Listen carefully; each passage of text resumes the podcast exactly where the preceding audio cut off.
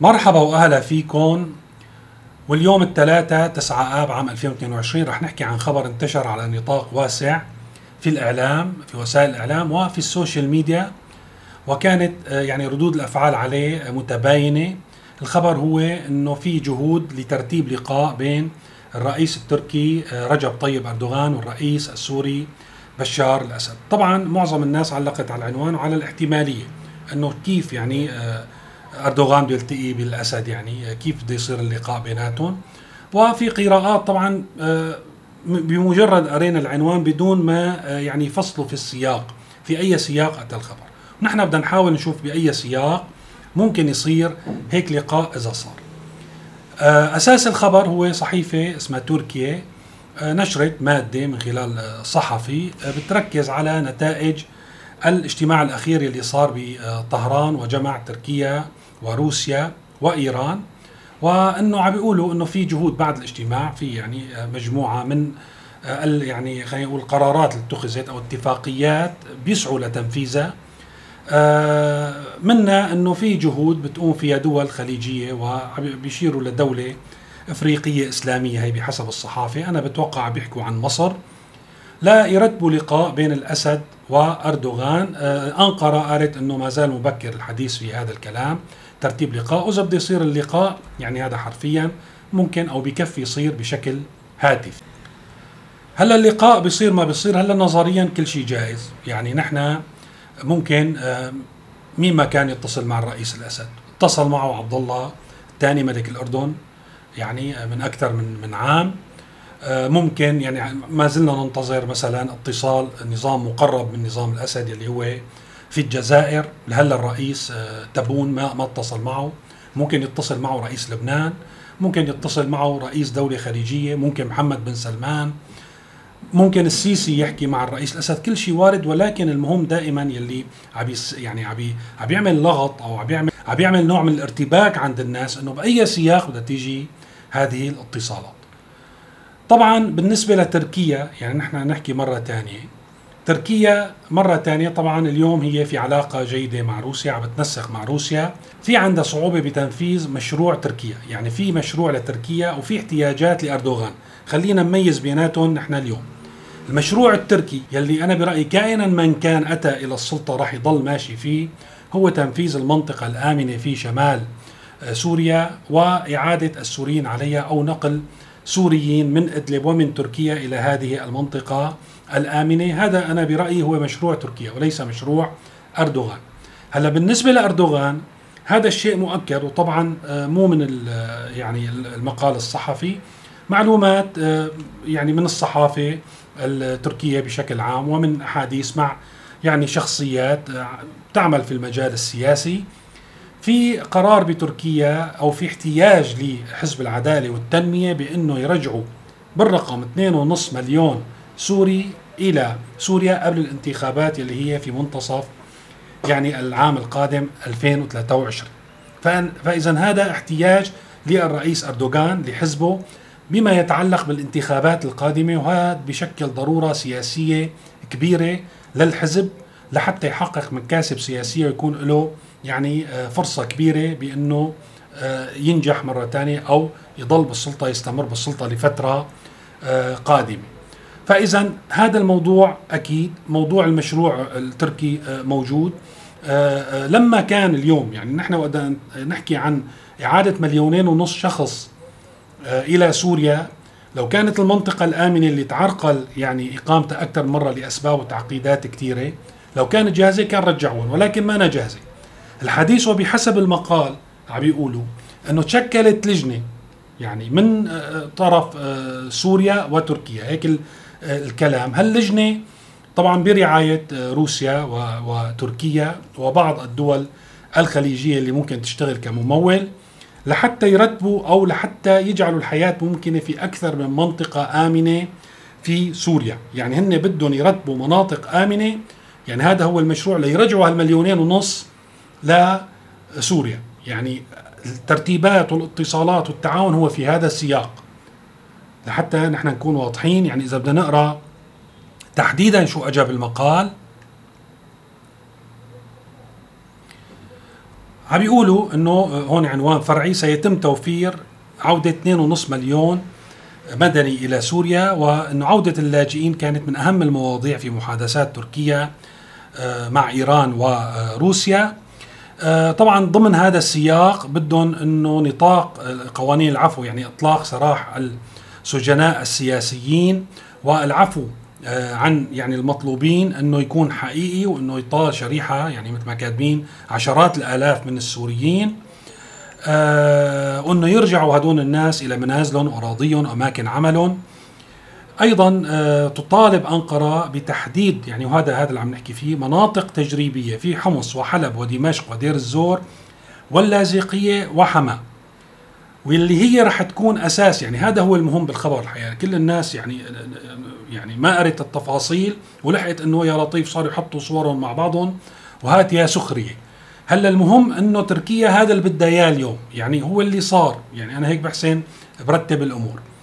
أردوغان بيقول له لبوتين إنه نحن أنا بحاجة يعني طبعا ضمن تبادل المصالح أنا بحاجة لرجع 2 مليون 2.5 مليون سوري قبل منتصف عام 2023 ولازم ننفذ المنطقة الآمنة.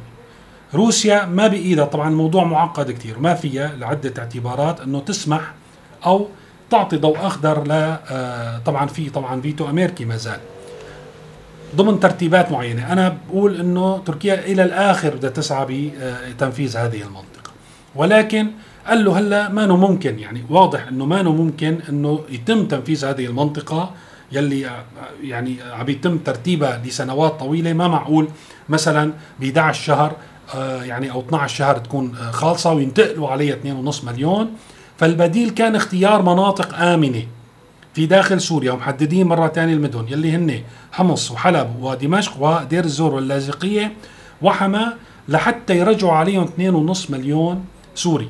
طبعا هن بيقولوا إنه آه، نقطة أو التحفظ الوحيد على إقامة هذا المشروع أو هذه الخطة أو تنفيذ هذه الخطة هو الضعف الأمني الذي يعاني منه النظام في أن هذا الوضع يحاول يعني إنه آه، يتعاملوا مع هذه النقطة. ممكن إنه روسيا وتركيا تأمن الدعم العسكري والسياسي والاقتصادي لهذا المشروع يلي أيضا هو يصب في مصالح الاتحاد الأوروبي أيضا الاتحاد الأوروبي والخليج ولبنان ومصر بحسب المقال هو يرغب بإعادة لاجئين إلى هذه المناطق ويقدر إنه من المتوقع إنه يعود ما لا يقل عن 400 ألف سوري من هذه الدول ما عدا تركيا. اذا هي صارت مصلحة مشتركة للجميع ونحن شايفين شو عم بيصير بلبنان كمان والضغط على اللاجئين وعودة اللاجئين. فاذا الاتصال هو في هذا السياق. يعني اتصال إذا كان بده يصير في اتساق. أول شيء في خطة. روسية تركيا المفروض النظام يتعاون مع هذه الخطة لحتى يعيدوا 2.5 مليون لاجئ سوري. عم نحكي من تركيا بالإضافة إلى 400 ألف لاجئ من الدول اللي حكينا فيها لبنان ومصر والخليج العربي. هذه المناطق هلأ شكلوا لجنة لحتى يدرسوا مناطق تجريبية في المدن يلي آه ذكرناها. ويعملوا على تقديم الدعم لاستقرار هذه المناطق وعودة اللاجئين. هذا هو الموضوع بشكل دقيق.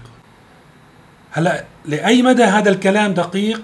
يعني قلنا نحن هذا دقيق بحسب مجاية بالمقال ولكن إلى أي مدى هذا الصحفي اللي كاتب المقال كلامه دقيق؟ الحقيقة المقال فيه يعني مجموعة من الأمور اللي ما كثير صحيحة أنا بعرفها من من الواقع السوري. هو حكى عن زيارة أدونيس الشاعر مثلا هي أحد الفقرات آه إلى إزمير و بيقول عنه إنه هو الأب الروحي لحافظ الأسد وبشار الأسد. الحقيقة أنا هي المعلومة ما بعرفها ما بعرف إذا صحيحة. وبيحكي عن المجلس الملي العلوي أيضا انه في هيك مجلس وإنه بشار الأسد وحافظ الأسد ما فيهم يعني خالفوا قرارات هذا المجلس. وأيضا أنا يعني متأكد إنه ما في هيك مجلس. واساسا لو في هيك مجلس كان انتهت مشكلة السوريين من زمان. يعني كان يعني ببساطة استبدال هذا الشخص بشخص آخر وانتهت القصة. ولكن أنا بعرف إنه مثلا هالمعلومات هي في إطار الخرافة. اللهم إذا كان في كثير شيء سري سري خارج نطاق بحثي ومعرفتي في الواقع السوري ما بعرف. طبعا المقال أيضا آه، تحدث عن نقل 700 آه، ألف آه، يعني شيعي إلى مناطق متعددة في الشرق وبعدين راح على خلفية تاريخية إلى قبل 100 سنة. فهو يعني عمليا خلينا نقول أقرب ما يكون بالتقرير الصحفي أو المقال الصحفي يلي آه، حاول إنه يعني خلينا نقول يورد معلومات في سياق في سياق خلينا نقول في سياق ما حدث خلال الفترة الماضية ويربطها بخلفية تاريخية يعني تعود إلى 100 عام. يلي ممكن نأكده من هذا المقال يعني أنا برأيي هو آه، حاجة آه، الرئيس التركي إلى إعادة 2.5 مليون سوري إلى سوريا، موضوع المشروع التركي في الشمال ما زال قائم كدولة تركية. مرة ثانية بأكد على هذا الموضوع. ما بعرف بال يعني بالمستقبل إذا بيتغير لتغير الظروف. ولكن إلى الآن هذا مشروع تركيا وليس مشروع أردوغان يلي هو موضوع الشمال السوري والمنطقة الآمنة. والبديل أو الخطة البديلة ممكن تكون هذا اللي انحكى فيه. ممكن يكون إنه روسيا طرحت هذا البديل وتركيا وافقت لأن حتى تركيا وهون بدي ميز بين تركيا واردوغان عنده أو حزب الحاكم اليوم عنده حاجة أساسية بإعادة 2.5 مليون بأي شكل من الأشكال وإلا راح يكون في مشكلة وإلا راح يكون في مشكلة كبيرة في فوزه بالانتخابات. هلأ السؤال ممكن تنجح الخطة ولا ما راح تنجح الخطة؟ قبل ما أجاوب على هذا السؤال ونرجع للغط اللي بيصير حول يعني موضوع الاتصالات وهذا في أمر محسوم أنا برأيي ما عاد نحكي فيه يلي هو استمرار الأسد في الحكم. نظام الأسد لا يمكن أن يستمر في حكم سوريا. وأي خطط أو مشاريع رح تقلص من نفوذه يلي هو أصلا يعني تقريبا منتهي. يعني اليوم النظام السوري في مناطق خارجة عن سيطرته ما له أي سيطرة عليها يلي داخل سيطرته له شركاء موزنين يعني فيها يلي هن روسيا وإيران وانتبهوا خلال تنفيذ هذه الخطة راح يكون أيضا في نفوذ لتركيا داخل مناطق النظام. مرة ثانية هذيك المرة لما صرح وزير الخارجية أنه آه، تركيا مستعدة لتقدم دعم للنظام في محاربة حزب العمال الكردستاني وقوات سوريا الديمقراطية. تعلمنا مرة ثانية عم نقول نحن السوريين ما طالع بإيدنا شيء غير أنه نتعلم. إنه ما حدا بيقدم دعم للآخر غير ما ياخذ بداله نفوذ، يعني تركيا وقت تقدم دعم للنظام السوري رح تاخذ نفوذ في المناطق اللي رح تقدم فيها دعم. وليس العكس. ما راح يصير النظام أقوى ولكن راح يصير أضعف على حساب إنه تدخل تركيا أيضا على الخط أو على المناطق اللي متواجدة فيها آه، إيران وروسيا. فهي راح تدخل كشريك. يعني مرة ثانية وهذا الموضوع اجى بالمقال. انتبهوا لهالموضوع. بيقول إنه نقطه نقطة الضعف الوحيدة بحسب المقال هو الضعف الأمني. وأنه أنقرة وروسيا أو يعني تركيا وروسيا مستعدة تساعد النظام في تأمين هذه المناطق. مساعدة النظام من خلال تركيا وروسيا في تأمين هذه المناطق يعني ازدياد نفوذ تركيا في مناطق اليوم ما كان لها أي تواجد فيها يلي هي بهالمدن يلي ذكرناها. هلا نهاية هل ممكن تحقق هذه الخطة؟ تحقق إرادة تركيا وإرادة أردوغان بإعادة 2.5 مليون سوري في أقل من سنة إلى سوريا وتأمين المناطق وجعل الأمور الحقيقة أنا برأيي هذا الموضوع شبه مستحيل اليوم. آه بالمقابل نحن مرة ثانية ما عندنا أي معلومات ولكن بنشوف في صراع للمشاريع. واضح أنه بسوريا كان في يعني هدف وحكينا أكثر من مرة بالتغيير الديموغرافي. بأنه في مناطق كثافتها السكانية تقل ومناطق أخرى كثافتها السكانية ترتفع ويصير في تغير بتواجد أعراق ومذاهب إلى آخره. هذا الموضوع مو حديثنا اليوم. ما بتوقع هذا يعني كل شيء صار إنه والله يرجعوا الأمور إلى ما كانت عليه. بالإضافة إنه اليوم نحن شايفين الأوضاع في سوريا. يعني نحن عم نحكي عن 9 مليون ضمن مناطق النظام لليوم ما قادرين يعيشوا. آه، خلال الشهر الماضي صار في تدهور يعني دراماتيكي في الأوضاع المعيشية.